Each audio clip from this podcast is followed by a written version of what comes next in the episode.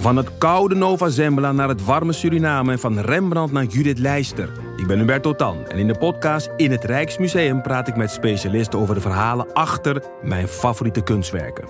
Nieuwsgierig? Beluister nu de nieuwe afleveringen. Je hoort mensen willen zeggen dat het boek beter was dan de film, maar wij van Boeken FM streven naar om de podcast beter te laten zijn dan het boek. Wij lezen de klassiekers die je nog niet gelezen hebt. We lezen de boeken die je heel graag wil lezen, maar waar je eigenlijk voor schaamt om in het publiek mee gezien te worden. We lezen de Libris-winnaars. Uh, we praten over de Nobelprijslariaten. Allemaal zoals je een etentje hebt. Dat je moeiteloos mee kan praten en dat het lijkt alsof je helemaal belezen bent. Wij zijn Ellen, Joost en Charlotte van Boeken FM. En je kunt ons luisteren in je favoriete podcast-app.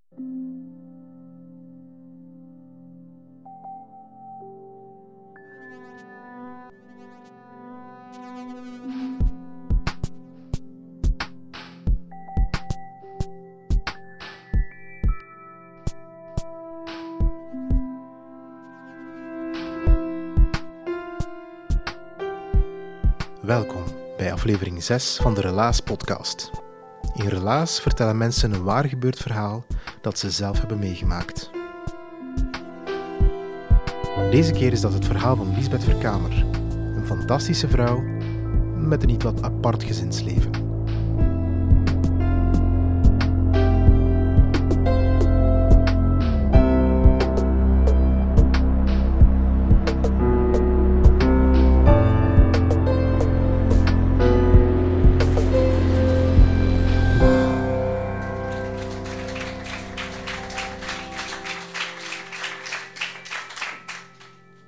Ik ben dus Lisbeth.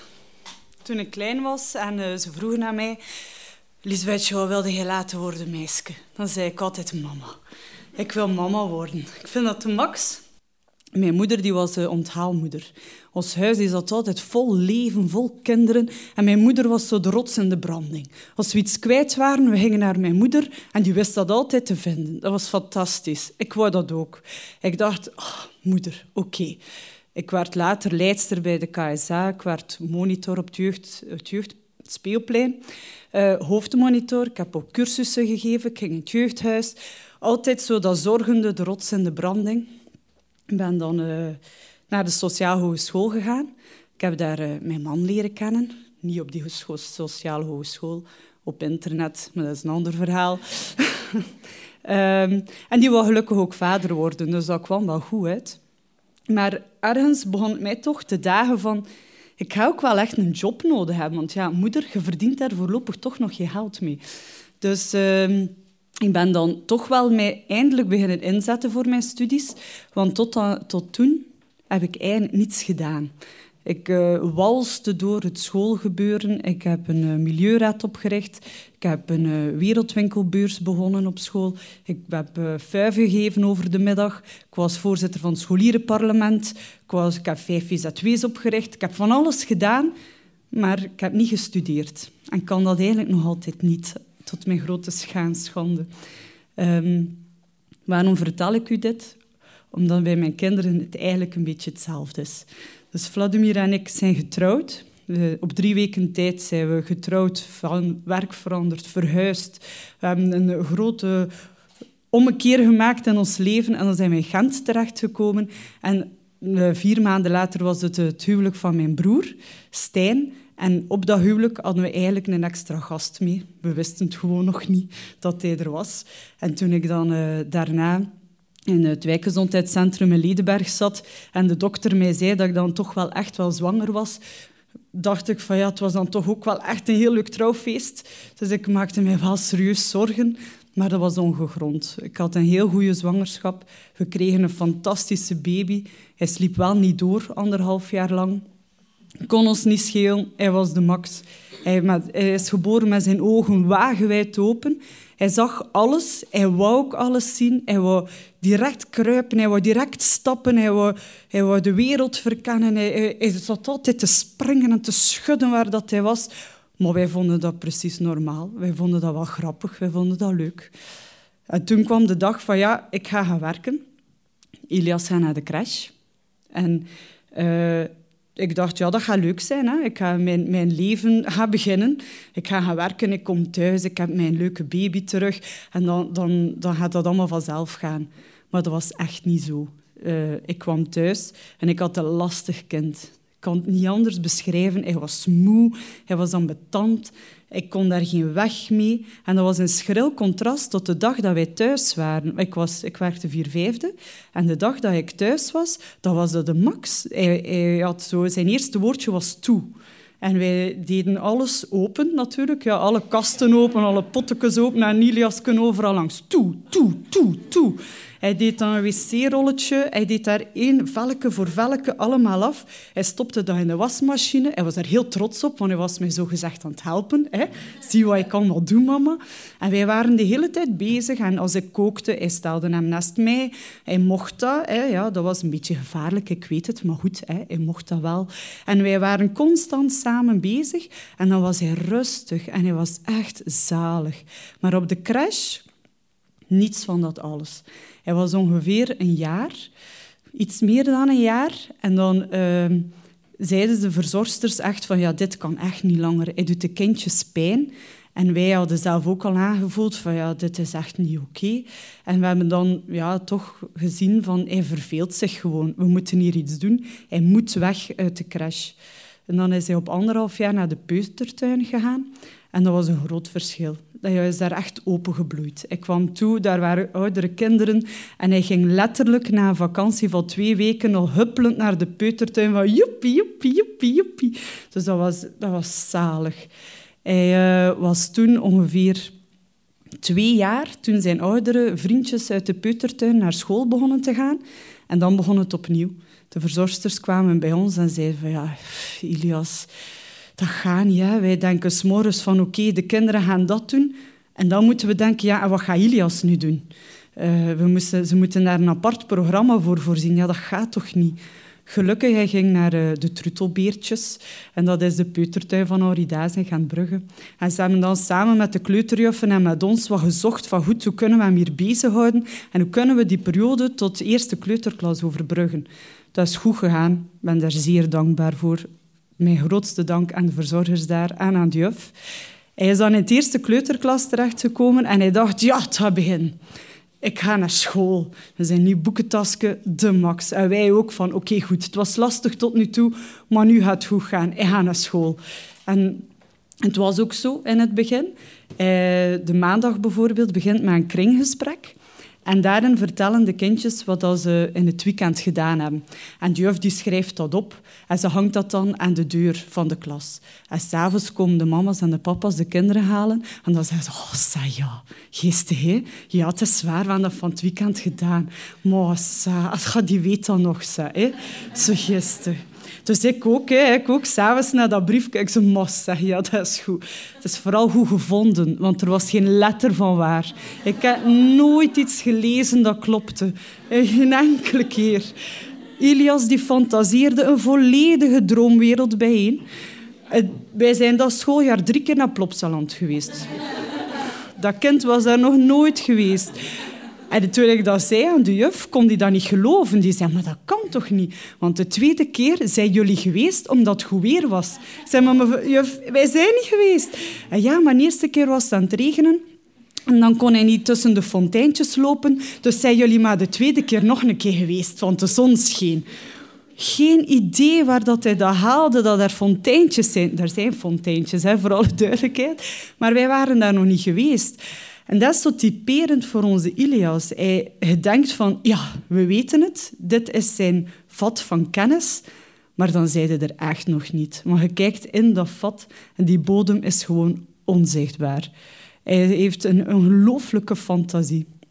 Nu, na het eerste, eerste kleuterklas is hij naar de tweede kleuterklas gegaan. En toen was hij uh, ja, rond de drie jaar. En uh, dat is ook de periode waarin dat hij zo aan tafel tegen ons ineens zei van oh, mama, gezin, dat vind ik een mooi woord. En ik zo helemaal vertederd, want ik was zwanger van Titus, zijn broer. Ik zeg, ja, ik vind dat ook een mooi woord, gezin. Vooral voor wat het betekent, uh, Iliasje. En ik kijk zo naar mij van, ja, de, de. Toen was hij drie jaar. Toen wist ik al van, het is hier toch wel iets aan de hand. Nu in de tweede kleuterklas is het woord dan officieel gevallen. Mevrouw, het is kerst. Maar de tweede kleuterklas zit er echt op voor uw zoon. Wij denken echt allemaal dat hij echt wel hoogbegaafd is. Dat was uh, een donderslag bij heldere hemel. Ja, wij wisten dat hij rap was. Iemand had dat wel ooit eens laten vallen. Maar ja, wij zijn ook rap. En wij zijn ook leergierig. En wij vinden gelijk allemaal normaal dat u dat allemaal interesseert. Maar dat is dus blijkbaar niet zo. Um, we hebben hem dan laten testen. En in die testen bleek dat hij voor heel wat zaken eigenlijk al op niveau eerste leerjaar zat. Nu, dat heeft natuurlijk al een grote ja, indicatie dat er wel iets aan de hand is. En hij mocht springen. Dus we zitten samen met juf van de tweede kleuterklas, derde kleuterklas, wij, de zorgjuf, de directeur, iedereen er rond, CLB. En uh, we zeiden, ja goed, hij is intellectueel zeker klaar. Hij mag naar de derde kleuterklas. Maar hij was vooral ook sociaal klaar. Want hij maakte een enorm onderscheid tussen zijn vrienden en zijn klasgenoten. Charles, Elise, Noor van de derde kleuterklas, dat waren zijn vrienden. Luan, Twan, alle kinderen waarmee dat hij eigenlijk speelde uit zijn klas, dat waren zijn klasgenoten. En als ik zei van, ja, maar Iliasje, Twan is toch uw vriend? Hè? Je speelt daar? Nee, mama, nee, dat is mijn klasgenoot. Ik moest daar niet moeilijk over doen. Dat was zo. Dus dan was het ook wel sociaal duidelijk naar de derde kleuterklas, na de paasvakantie. En dat was echt zeer goed. Hij is daar echt opengebloeid. Hij zat bij zijn vrienden. Hij zat helemaal zitten. Hij was de mij natuurlijk, want ja, ik was een jaar voor. Hij heeft dan nog altijd zo'n beetje de Coolio Swaggy-style, noemt hij dat tegenwoordig. En dan is hij... Echt waar. En dan is hij naar het eerste leerjaar gegaan. Maar... Uh, dan was de Coolio Swaggy-style volledig weg. Dan is echt een verhaal van barricaden. Uh, we zijn op tafel moeten gaan springen. We hebben echt moeten vechten voor onze zoon. We hebben uh, zijn leven buitenschool is fantastisch. Hij is echt is de max van een kerel. Hij weet heel veel. Hij heeft een zeer rijke fantasie. Hij heeft een heel groot ruimtelijk visueel inzicht. Hij wil later ook architect worden. En naar mijn eigen moederlijke, zeer subjectieve mening, zou hij dat heel goed doen. Maar op school is het eigenlijk ja, niet evident, laat het ons zo zijn. In het eerste leerjaar tegen iemand naast u zeggen van gezin, dat is toch een mooi woord, hè? Dan kijkt hij naar u van, maar jong, waar zijn je over bezig? Weet je, wij lezen, ik ben An, An ben ik. Allee, serieus. Dus Ilias die dacht van, oh nee, er is iets mis met mij. Het ligt aan mij. Ik ben waarschijnlijk gewoon, ik weet dom. Want ja, ze zeggen zij dat wel, dat ik slim ben, maar hier blijkt dat helemaal niet. Ik stel mij helemaal andere vragen dan de rest van de klas. Dus ja, het zou wel aan mij liggen. En zijn molenke begon te draaien en we kregen dat echt niet stil. En wij, het is ook op dat moment dat wij hem ook een IQ-test hebben laten uh, doen. Omdat ook de juf het niet meer geloofde die heeft dacht van ja, dat zijn hier een stel uh, van die ouders die willen dat hun kind hoogbehaafd is. Want ja, dat is, dat is toch gemakkelijk, een hoogbehaafd kind. Maar wij zijn helemaal zo niet. En de juffen hebben dat allemaal zelf gezegd. Dus we hebben dan een IQ-test gedaan. Uh, en we hebben Ilias op coaching laten gaan. Over wat is hoogbehaafd zijn, wie ben ik, hoe kijken de anderen naar mij. En hij heeft hem echt geholpen en heeft er hem doorgesleurd. Maar het is echt elk jaar opnieuw zoeken naar wat, kan, wat kunnen we doen om hem te helpen? En nu zit hij in het vijfde leerjaar. Het gaat echt goed met hem. Hij is zo swaggy-style, de cool. Hij heeft eh, zijn tweede lief nu al. En, uh, moet niet proberen om te zeggen dat een vriendinnetje is. Nu, het is wel een lief. Het is wel de coolste van de school die zijn lief is. En, maar hij zit in het vijfde leerjaar en hij mag eigenlijk in juni de toetsen doen van het zesde leerjaar al. Maar dat wil dan wel zeggen dat hij twee jaar gaat voorzitten. En dat is geen goed idee, want nu is hij er niet klaar voor. En dan begint de ganse malle molen opnieuw. Dus het is echt de max om een hoogbehaafd kind te hebben thuis. En als je hem verstaat en als je weet wat je er moet mee doen. Maar je moet echt constant vechten van op school, bij vrienden, zelfs bij grootouders. Van, hij, is, hij geen dyslexie. Hij heeft geen ADHD. Hij is gewoon hoogbegaafd. En het is een beelddenker er nog een keer bij. Hup, nog een term erbij. Dus wat heb ik gedaan? Ik heb van hoogbegaafdheid mijn werk gemaakt. Ik heb een eh, bureau. Wij zijn deskundigen in en wij helpen hoogbegaafden, kinderen, adolescenten, volwassenen. Ikzelf ben de coach voor de ouders en de volwassen hoogbegaafden. En mijn eh, partner Sabine Supré, zij heeft uh, begeleiding aan de kinderen aan de scholen. Dus ik ben dan toch nog de rots in de branding geworden voor mijn kinderen. Ook voor Titus, die waarschijnlijk ook wel hoogbegaafd is. Maar dat negeren we nog maar even. Hij doet het goed, hij voelt zich goed. En voilà, het is niet nodig.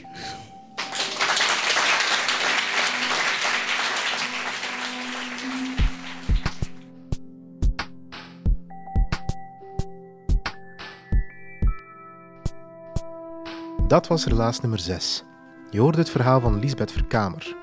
Tegenwoordig is ze zaakvoerster van hoogbloeier.be. Dat is een organisatie voor ouders van hoogbegaafde kinderen. Het verhaal is opgenomen in Huset in Gent in mei 2015. Relaas is naast een podcast ook een maandelijkse vertelavond in Gent. Heb je zelf een bijzonder verhaal? Wil je iemand tippen die een goed verhaal heeft? Of wil je er zelf graag ook eens live bij zijn als de verhalen verteld worden? Surf dan naar www.relaas.be en je komt alles te weten over ons, over de vertelavonden en over de podcast.